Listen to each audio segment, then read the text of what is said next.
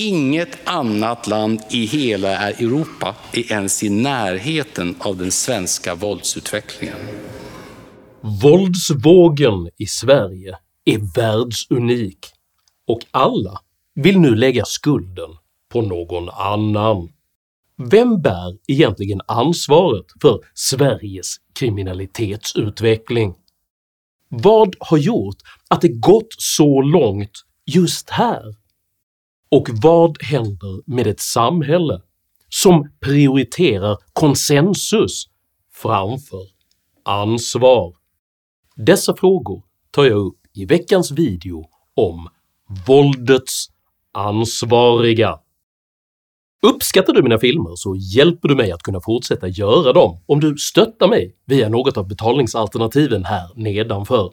Det är endast tack vare ert generösa och frivilliga stöd som jag kan fortsätta att utveckla denna kanal, så ett stort STORT tack till alla de av er som bidrar.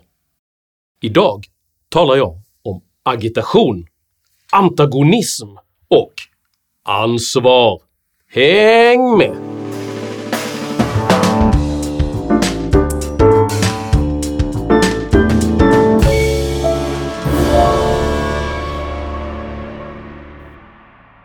Goethes dikt “Trollkarlens lärling” från 1797 är en sedelärande skildring av hur okunnighet och högmod lätt leder till katastrof för alla inblandade. I trollkarlens frånvaro använder lärlingen en trollformel som han inte behärskar för att få kvasten att hämta honom vatten. Inledningsvis ser allt ut att fungera bra och lärlingen berömmer sig själv för sin stora trolldomskonst. Men så snart vattnet börjar svämma över inser han att han satt igång krafter som han inte kan kontrollera. I desperation försöker lärlingen klyva kvasten till flisor, men flisorna förvandlas till fler kvastar som även de börjar överösa honom med vatten, och lärlingen skriker i förtvivlan “Andarna jag åkallade kan jag nu ej befria mig ifrån”. Precis innan lärlingen är till att drunkna återvänder trollkarlen och återställer ordningen, medan lärlingen, skamsen, uppskrämd och våt, bannas för att hans högmod nästan fördärvat trollkarlens verkstad. På liknande sätt uttrycker nu Sveriges politiker en yrvaken rädsla över den samhällsförgörande våldsvåg som de själva bidragit till att åkalla. Sverige har aldrig förr sett något liknande. Inget annat land i Europa ser något liknande. Det är en nattsvart utveckling som vi ser i Sverige. Vi kan konstatera att sprängdåden i Sverige sticker inte bara ut i Norden utan också i Europa och världen. Enligt kriminologen Ardavan Korsnod överträffas Sveriges antal sprängdåd endast av Mexiko, som ligger på randen till att betraktas som en fallerad stat. I snitt drabbas Sverige idag av mer än 11 sprängdåd i månaden och under produktionen av denna video passerades faktiskt alla tidigare rekord redan i oktober månad. Redan nu så pekar det mesta på att 2023 är på väg att gå till historien som det värsta året när det gäller sprängningar i Sverige. Med nattens sprängningar har redan rekordåret 2019 passerats. Som konsekvens uttrycker nu en allt större del av Sveriges befolkning både missnöje, rädsla och ren förtvivlan. Allt fler oskyldiga drabbas av skjutvåldet. Under det senaste året har minst sju utomstående personer dödats och ännu fler skadats i skjutningar i Sverige. Nu känner man att nu är det jättenära. Men alltså, vi kan inte ha det så här. Alltså, jag, jag har inte ord alltså. Nej, jag bara skrek för jag blev väldigt rädd. Det råder någonting som börjar likna undantagstillstånd i det här landet. Jag, jag undrar, är Sverige i krig fast vi inte har fått någon krigsförklaring? Denna bild bekräftas av polisens representanter som nu beskriver Sveriges situation som endera kaos eller ett lågintensivt krigsläge. Det är kaos. Mm, det, är inte, det låter inte särskilt positivt. Nej, Finns jag det vet, men vi måste se som det är. Det är ja. kaos. Det här börjar påminna mer och mer om ett lågintensivt krigsläge. Bland politiker och agendasättande medier investeras därför nu mycket energi till att slå ifrån sig själva ansvaret för den uppkomna situationen. Både Ardalan Shekarabi, Magdalena Andersson och Sveriges Televisions Nike Nylander är mycket, mycket angelägna om att undvika att socialdemokraterna skuldbeläggs i vad man menar vara ett banalt och oseriöst “blame game”. Släppa det här politiska spelet om att det var ert fel eller det var ert fel. Gunnar Strömmer och Jimmie Åkesson som ju lägger mycket tid och kraft på ett blame game här. Om allt det vi nu gör hade, hade gjorts för fyra eller åtta år sedan, då hade vi inte behövt börja om från början. Nu låter det lite blame game här Nej, ändå från er alla. På liknande sätt anser Sveriges Radios inrikeskommentator Fredrik Furtenbach att det stack ut att Kristersson skuldbelade Socialdemokraterna för våldsvågen. Det handlade också om att han eh, ville eh, lägga skulden på sina företrädare, alltså den socialdemokratiska regeringen. Det var ungefär ett sånt tal som Kristersson brukar hålla, det vill säga att han eh, eh la skulden på Socialdemokraterna, sa att eh, en av orsakerna till att det har blivit så här, det handlar om en ansvarslös invandringspolitik och en misslyckad integrationspolitik. Så att på det sättet stack det ut.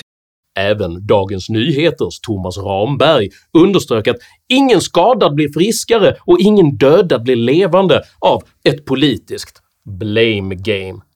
På samma linje fastslog Dagens Nyheters ledarsida för nästan lika frustrerande som att våldet fortsätter är att tjafset gör det. Att partierna envisas med att skylla på varandra och leverera tomma utspel. Tidningens chefredaktör Peter Wolodarski inskärper på samma linje. De behöver samla Sverige, inte berätta att de själva haft rätt. Även Aftonbladet deklarerar “medan politiker pekar finger dör oskyldiga”. Denna jeremiad mot ansvarsutkrävande är lika förutsägbar som hycklande. Den är förutsägbar eftersom det är sig själva och den retorik man själv företrätt som Socialdemokraterna, Aftonbladet, Dagens Nyheter och Public Service nu vill ansvarsbefria. Och det är hycklande eftersom ansvarsutkrävande samtidigt mycket, mycket gärna riktas mot deras ideologiska motståndare.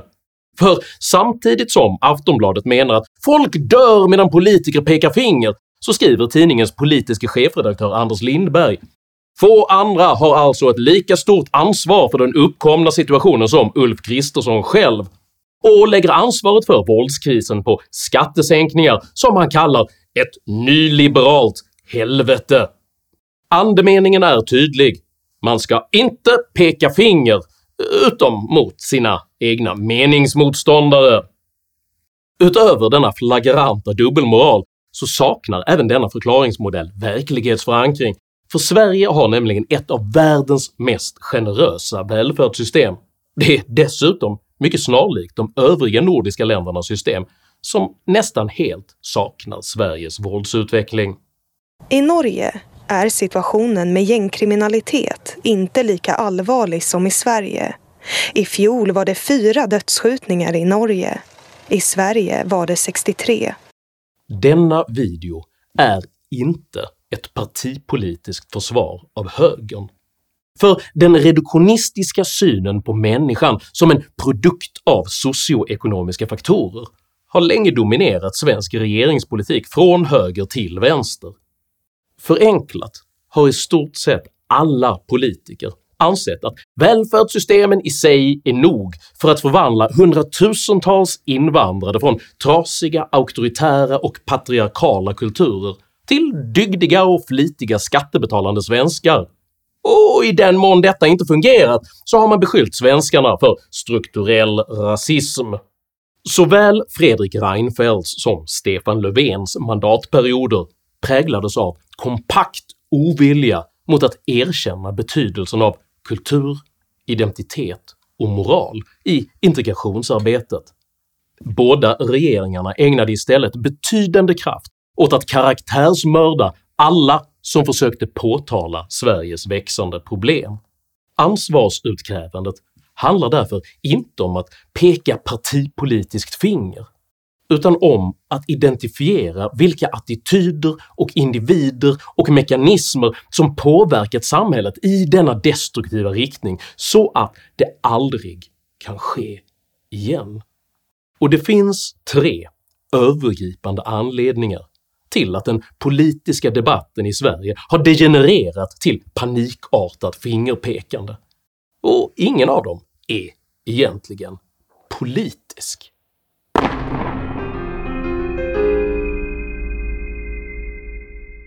Den första anledningen till Sveriges tillstånd är att kortsiktig opportunism lett till en ytlig problemanalys som förväxlat symptomen med de underliggande problemen.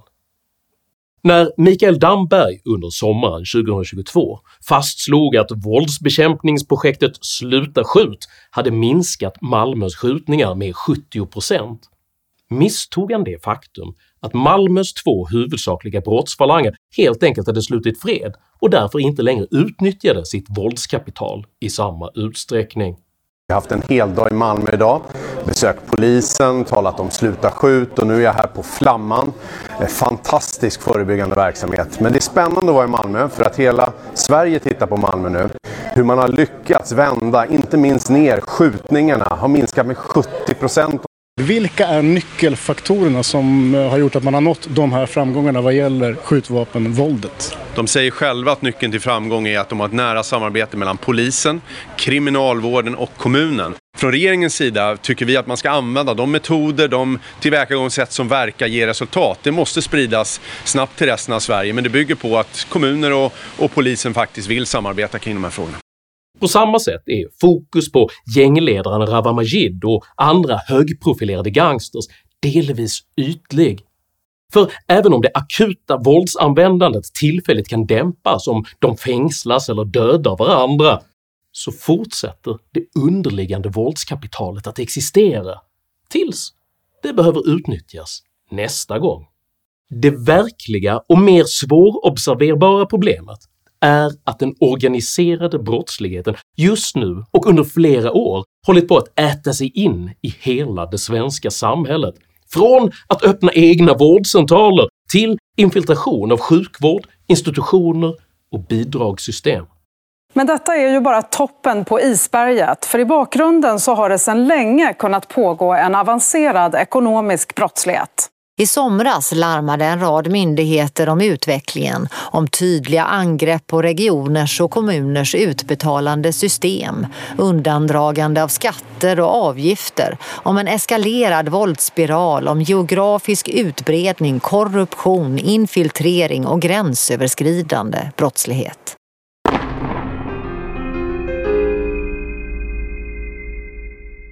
Den andra anledningen till Sveriges tillstånd är kortsiktighet och en oförmåga att ta hänsyn till ledtider.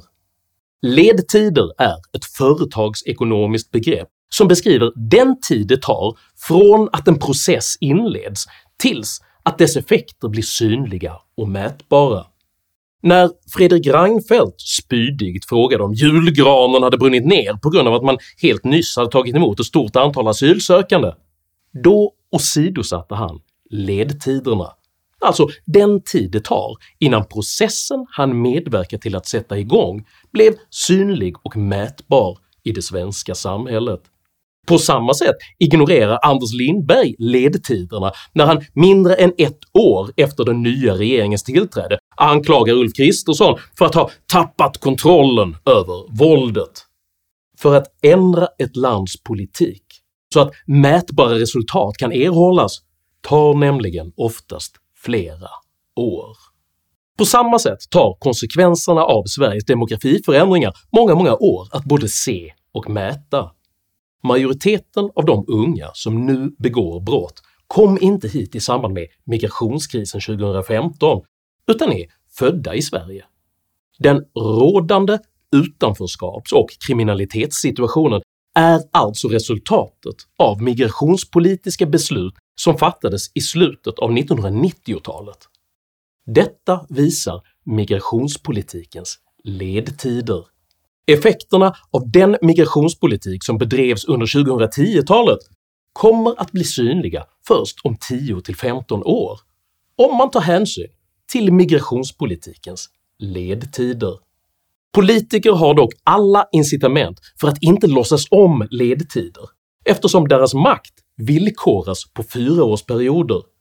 Att genomdriva verkligt effektiva reformer som kan behöva ett decennium eller mer för att få riktigt genomslag är därför valtekniskt sett praktiskt taget ogenomförbara på grund av väljarnas otålighet.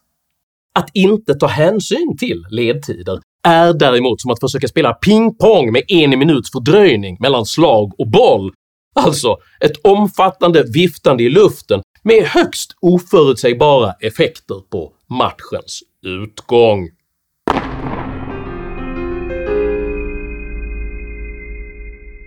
Den tredje anledningen till Sveriges tillstånd är ett psykologiskt fenomen kallat grupptänkande.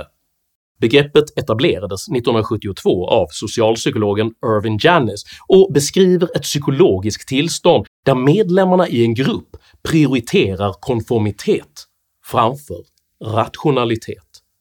Grupptänkande uttrycks genom att medlemmarna i en grupp avstår från att bryta mot dess gemensamma värderingar för att de värderar konsensus så högt att de åsidosätter verkligheten. Ett exempel på detta är de så kallade ASH-experimenten, där en frivillig försöksperson omedvetet började åsidosätta uppenbara sanningar för att hålla med en grupp skådespelare som alla uttryckte en uppenbart orealistisk åsikt. The experiment you will be taking part in today involves the perception of line length. Your task will be simply to look at the line here on the left and indicate which of the three lines on the right is equal to it in length. Once again, the correct answer is two. Three. Three. Three.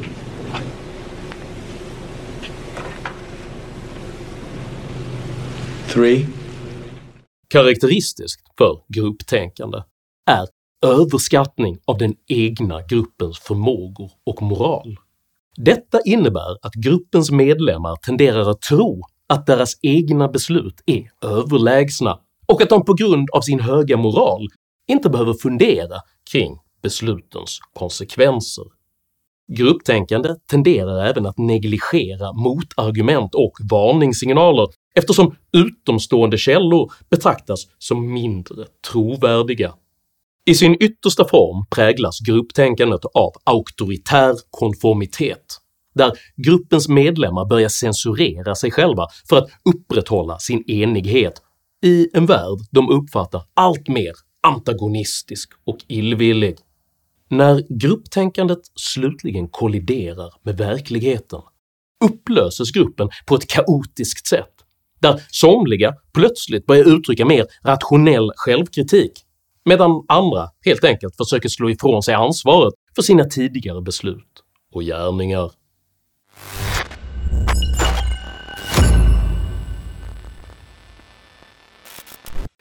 Ytliga problemanalyser, åsidosatta ledtider och ideologiskt grupptänkande har alltså samverkat till att skapa det samhällsklimat som möjliggjort Sveriges unika kriminalitetsutveckling.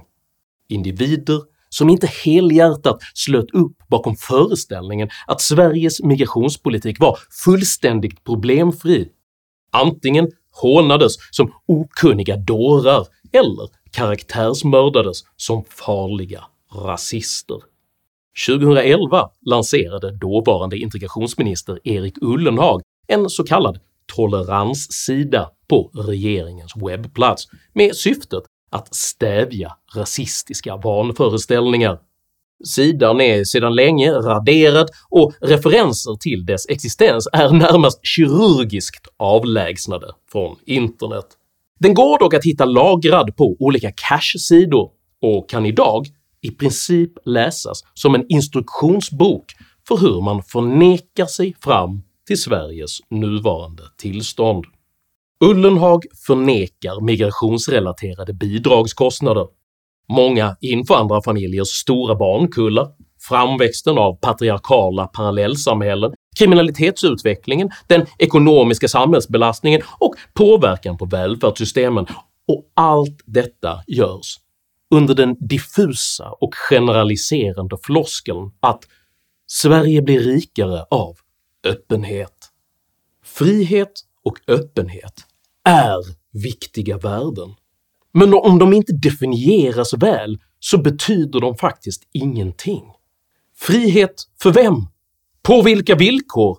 Vilken typ av rikedom? Öppenhet inför vad? Och under vilka förutsättningar? Dessa frågor ställdes aldrig. Inga djupgående konsekvensanalyser gjordes, inga ledtider utreddes, ingenting förankrades med ett tydligt demokratiskt mandat.